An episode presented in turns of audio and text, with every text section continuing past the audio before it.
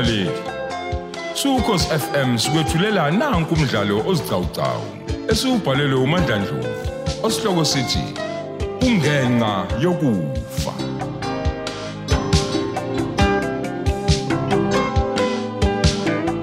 Lesi isiqebu samashumi amathathu nantathu.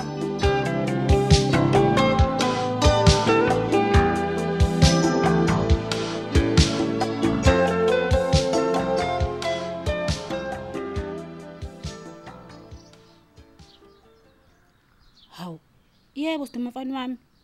Yini akusetshenzwa yini? Savuswa nguwe nje kanti nayizolo phela beni lapha nomzala wakho odakwe nje wagila imanga. Hey, khohlwa indaba kaJula sisJ. Wena nje woza nendlebe ngoba ngikuphathele izindaba ezivutha bhe. Hayibo. Ngaphambi kokuthi ngixoxeleke kodwa ngicela ungicelela uncane.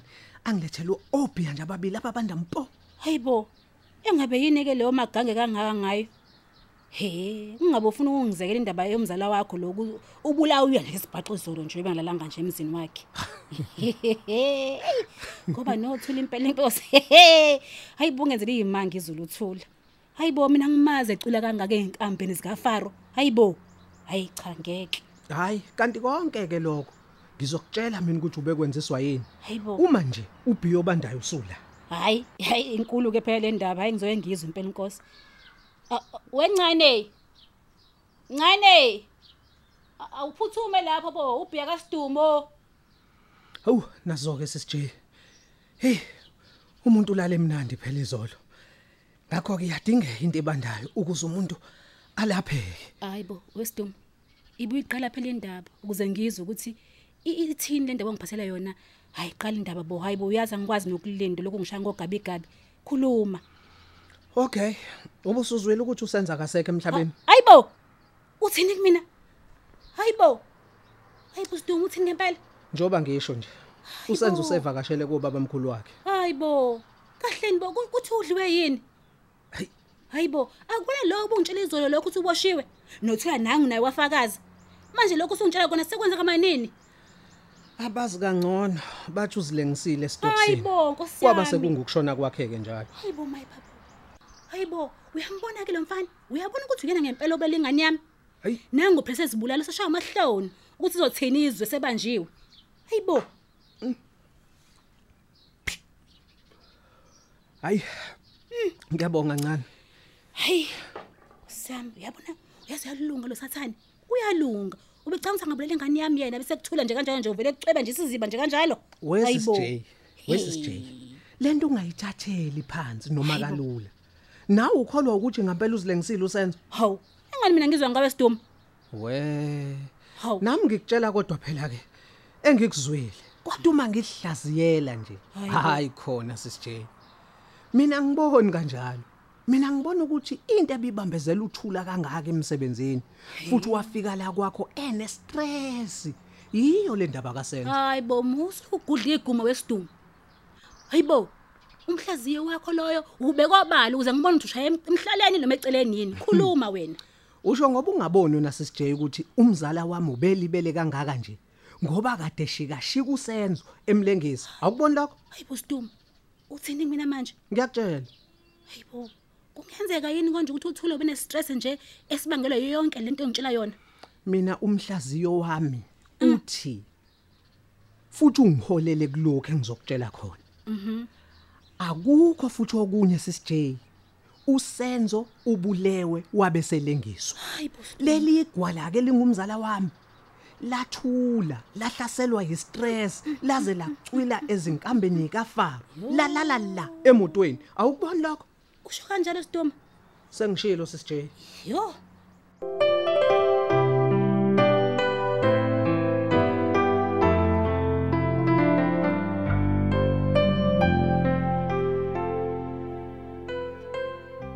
Oh, kanti nguwena Thule? Hayi ngena ndoda amadoda vele nathi siyakudinga ngapha. Nashesha ke kodwa ukuqeda naloduma wakhona. Yebo sesiqedile impela. Sengithi kangize ngapha njengoba ushilo ukuthi ukapteni ulethe umbewu kadokotela. Mm. Ngokushona kaNomsa wena Mphemba. Ah kunjalo impela mfoka Thusi. Eh, Uyaphila kodwa ndoda? Yebo ngiyaphila kapteni, singezwa kunini. Hayi cha nathi siyancenga impela mfana kithi. Uyazi ufika nje sesipartner phakathi nokudingida lo daba likazakwenu mhm. Lokho sesidlule kukonakayo usuyokuzwa ngomphathi wakho. Futhi ke vele ikhophi yakho konke lokhu engize ngakho la izosala khona la kunini hayi kunjengoba kasho nje usticks thule. Ungaqhubeka nomndeni nombiko wasepolice stick awuzweke mphemba. Washo indodeni okokuqala nje umbi ukuthi inhlamve yabulala uh, uNomsa yaphuma kuso isibhamu sakhe lesi satholwe emotweni yakhe phansi. Njengoba nathi kade sabona kanjalo nje. Isibhamu ke sona satholwa ukuthi asinawo amanye amacala okubulala kanje noma ekusentshenzisweni nje kobunye ubugebengu. Sabe sesidluliselwa ke kulaba abahlola izinsalela zeminwe laba be Local Criminal Record Center LCRC oh kunjalo kanti. Batholani ke bona? Iphuzu lokuqala nje abavula ngalo. Ngelithi awekho ama fingerprints abawathola kusona isibhamu lesi sikamufi. Ush abatholanga ngisho ne DNA yodwa le. Awu. Okusho ukuthi yili isoka lakhe leli eselizibulele lambulale. Ah, linda kancane ke thula ngiqedela umbiko. Sengizoqeda vele. Umbeko uqhubeka ukuthi lana kwatholwa iDNA kanye nama fingerprints ka Mr Mdeliseni James Dube.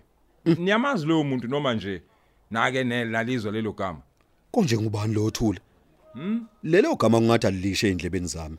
Umdeliseni ungazicakeki kakhulu umphemba impendulo ithi lo muntu lowo ubuya iziwe noma udume ngegama lika Marandi awu madoda. Pho usenzo? hey umbiko uqhubeka la uthi esicabheni semoto kaNomsa sepassenger ngaphakathi nangaphandle kwaphinde kwatholakala amanye ama fingerprints kanye ne DNA yakhe futhi umdeliseni James Dube. Ey lo sathana ngumarandi man nguye kanti wabulala unomsa A- akusho mina mphemba kodwa kusho lembiko le ehlukahlukene engiyiphethe lokhu ke kucacisa ngokusobala ukuthi akekho omunye umuntu emva kokufa kaNomsa owathinta isibhamu sakhe ngaphandle kukaMarandi lo. Eh, futhi akekho omunye umuntu owake waphinda wa- wangena emotweni emva koku- kokubulawa kaNomsa.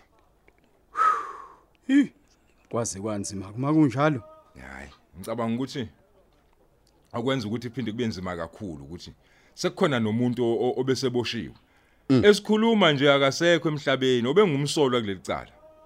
Umbuzo omkhulu ukuthi njengoba lembiko imkhipha ngaphandle pho ubengazibulalelani nami into engiyibuza yona ke leyo sticks thula nikhulumisane kanjani naloduma ngokushona kwasenzo uyakuvuma na ukuthi usenzo uyilengisile thula. Cha, Kapteni. Thi usazophenya. uzwe Wathi kodwa akaboni ukuthi uyilengisile. ah Awu kwaze kwanzima makunjena. thula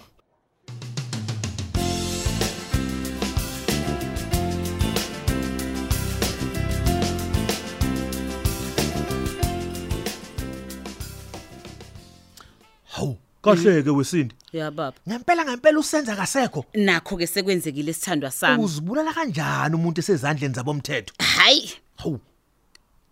Kusho ukuthi nguye ngempela wabulala unomsa. Uhlulekile ukubhekana nonombeza wakhe wakhetha ukuqeda nje ngempilo yakhe lomfana. Hayi uyabona ke baba nami angiyazi yonke lento manje madoda. angisaqonda inqindi nasibhakela la nontombi ngapha usho lokho akushoko ukuthi usenzo uzibulayele ngoba nakho esabukubhekana nezwe ngokubulala unomsa ngithi hoyi nami vele ngibona kanjalo Oh. akukho nje futhi okunye hawu ukuba akazi lutho yena Eh. Kumele nje ame aphike ngokuthi uyoligeza igama lakhe enkantolo. Ayi baba kodwa wabuka ke manje kusho ukuthi yiqinisa impela ukuthi obulala ngenkemba uyofa ngenkemba. Hmm, kunjalo impela ngiyakuzwa maaro. Kodwa cha kumina ke akuvumi ukuthi ngikholwe ukuthi wathi if ukusenzo baba ngempela uzibulela. Ebebulawa ngubani ethumulalelane ke khona Hey. Hayi bo maaro. Hlezi iboshwa zifele ezandleni zamaphoyisa baba. Ebese umphakathi uvezele ongathi uzibulela ngithi. Maningi baba amacala loluhlobo ayenzeka nangekhathi zobandlululo baba. hayi uyasho nawe nje sinto ukuthi ngekhathi zobandlululo njengamanje izwe selibuswa ngentandeni akusekho siboshwa lapha esithola ngisho impama lapha ejele Hayi. Kodwa ke ngiyakuzwa ke sithandwa sami. Angithi ukuzwe mangabe sequlwa icala ezinkantolo. Isiboshwa baba sikuveza ukuthi amaphoyisa asishaye kangakanani asikhipha iqinisa ngithi. kwesinye isikhathi baba sifakwe ngisho ishobhi siboshwe ngihlale ngiyifunda indaba zalolu hlobo emaphepheni baba. Hayi suka lapha Sindi ho Hayi. usenzo nje usibulele kwaphela. Futhi ngiyazi ukuthi nawe kunzima ukuthi uyikholwe ngoba phela usenzo begane nomngani wakhe angithi. Kodwa wena? Cha khona kubhlungu eh uma sesiyibuka ngaleliso wena oyibuka ngayo impela. Oh ayi ulungile ngiyakuzwa ke babi ukuthi "Ih, umzimba wami baba usuvele waxobeka eyi nanontombi isikhuluma isikhathi eside ebusuku naye kwaze kwacishe kwasi Ng- ngicela ukwelala kancane nje nizwakele ngizokubona baba. Hayi hamba sithanda sami. Ngiyasiqonda isimo sakho. Kodwa ngaze ngamzwela untombi. Kodwa ewu! Ukhohlakele bonosenzo azayibulale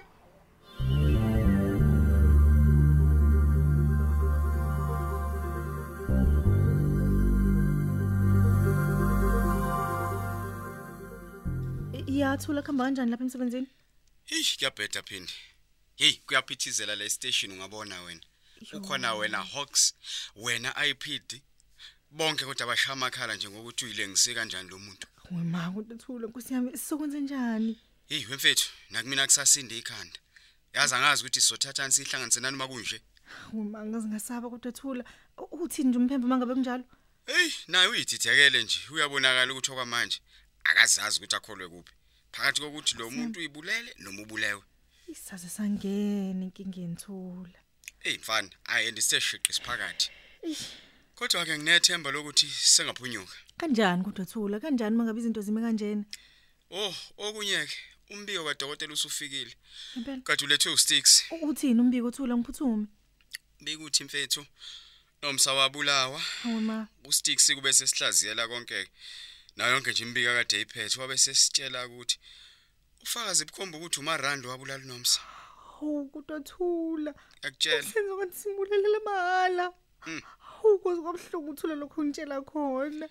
Ey, babusabalisa kakhulu phindi. Ngoba kwenzekile kufana nobisi olichithekile esingeke sakwazi ukulibutha. Mm, kodwa thula ukuba umtshela ngumphemba ngendaba yesibhamu sikaNomsa ngaba sikho la esikhona njengamanje Eh yazi yabuhlungu inhliziyo yami ngosenzo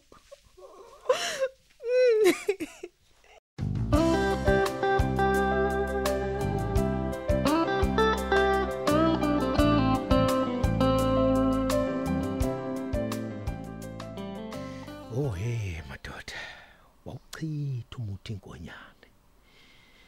Ey, impela izulu siqinisile uma sithi izinto zimana ukwenzeka. Uyazi nje ngizizwa nginawo nje amanembe okuyisolo uma izinto sezikuleli izinga. Akuyona nje into encane ukufa komuntu. Efela into engekho. Ayi. Angikhathali ngisho kuthiwa uzibulele noma ubulewe nje kodwa khona ayi kuyisenze sibi uyazi ukuhlungu kakhulu ukuthi ngazi kahle mina ukuthi usenzo umsula kuyo yonke lento yokufa kaNomsa. Hey ya khona.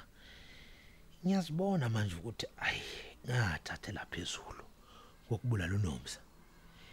Izinto ngayithatha nje ngewala ngidudulwa intukuthelo buka nje manje umonakalo osuwenzakalile. Eh, lokho kusho usindi nami ngiyasola ukuthi kuyikho. Cisha amaphoyisa kade efuna ukumvumisa ngenkani umfana agcine semklinya kanti uzovela afe. Ey angisale sengeligwinyi nje ngoba ngisho kungathiwa kuyavela ukuthi unomusa wabulawa. So kuyovele kube yicala nje elingayindawo. Ngoba phela umsolwa nangu useyibulele. Ya nalapho ke kuyobe sekusho khona ukuthi sewuphunyuka kwami njengoba ngihlezi ngiphunyuka. Hey ngingake kodwa ngibe usindi nje osiphumulele kamnandi. Mina sengiqala nokuqwasha ebusuku ngenxa yalento. Hey madoda. Hawu. sewubani-ke lo futhi manje omaphandle akwe ngilunguze ngibheke.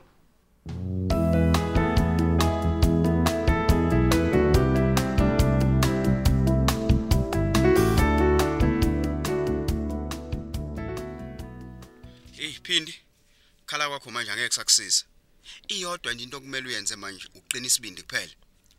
Bunzima thula angifuni uqamba manga yazi selokhu ngaba iphoyisa mina ngiyaqala ngiqa ukubhekana nento enzima kanjena Yabona ke mawuzoloqhubeka ukhala. Iyona into ezokuqhatha nengalo yomthetho ke leyo.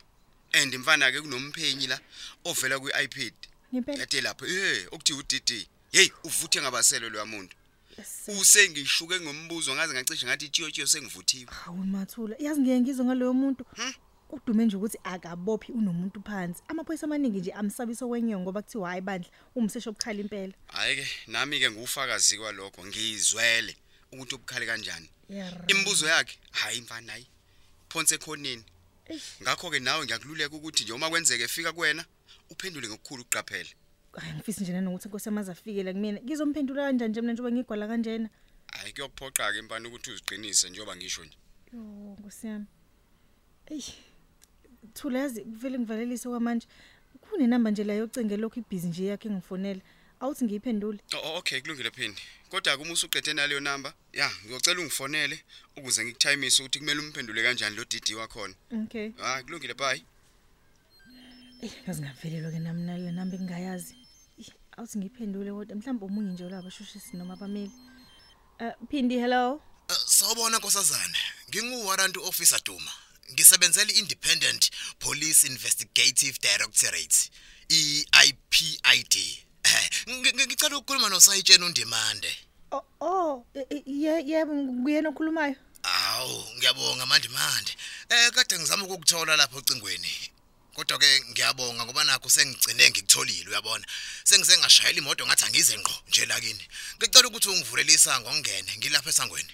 A- awu e- esangweni hawu u- uyeza kanjani indlela eza lapha Oh, ah, ah, okay kulungile ngiyeza khona manje Awu, ngibonge nkosazana. Eh, Kungakuhle ukuthi uphuthume ngoba nami hayi ngiyaphuthuma ngenxa yokuba matasa, uyabona.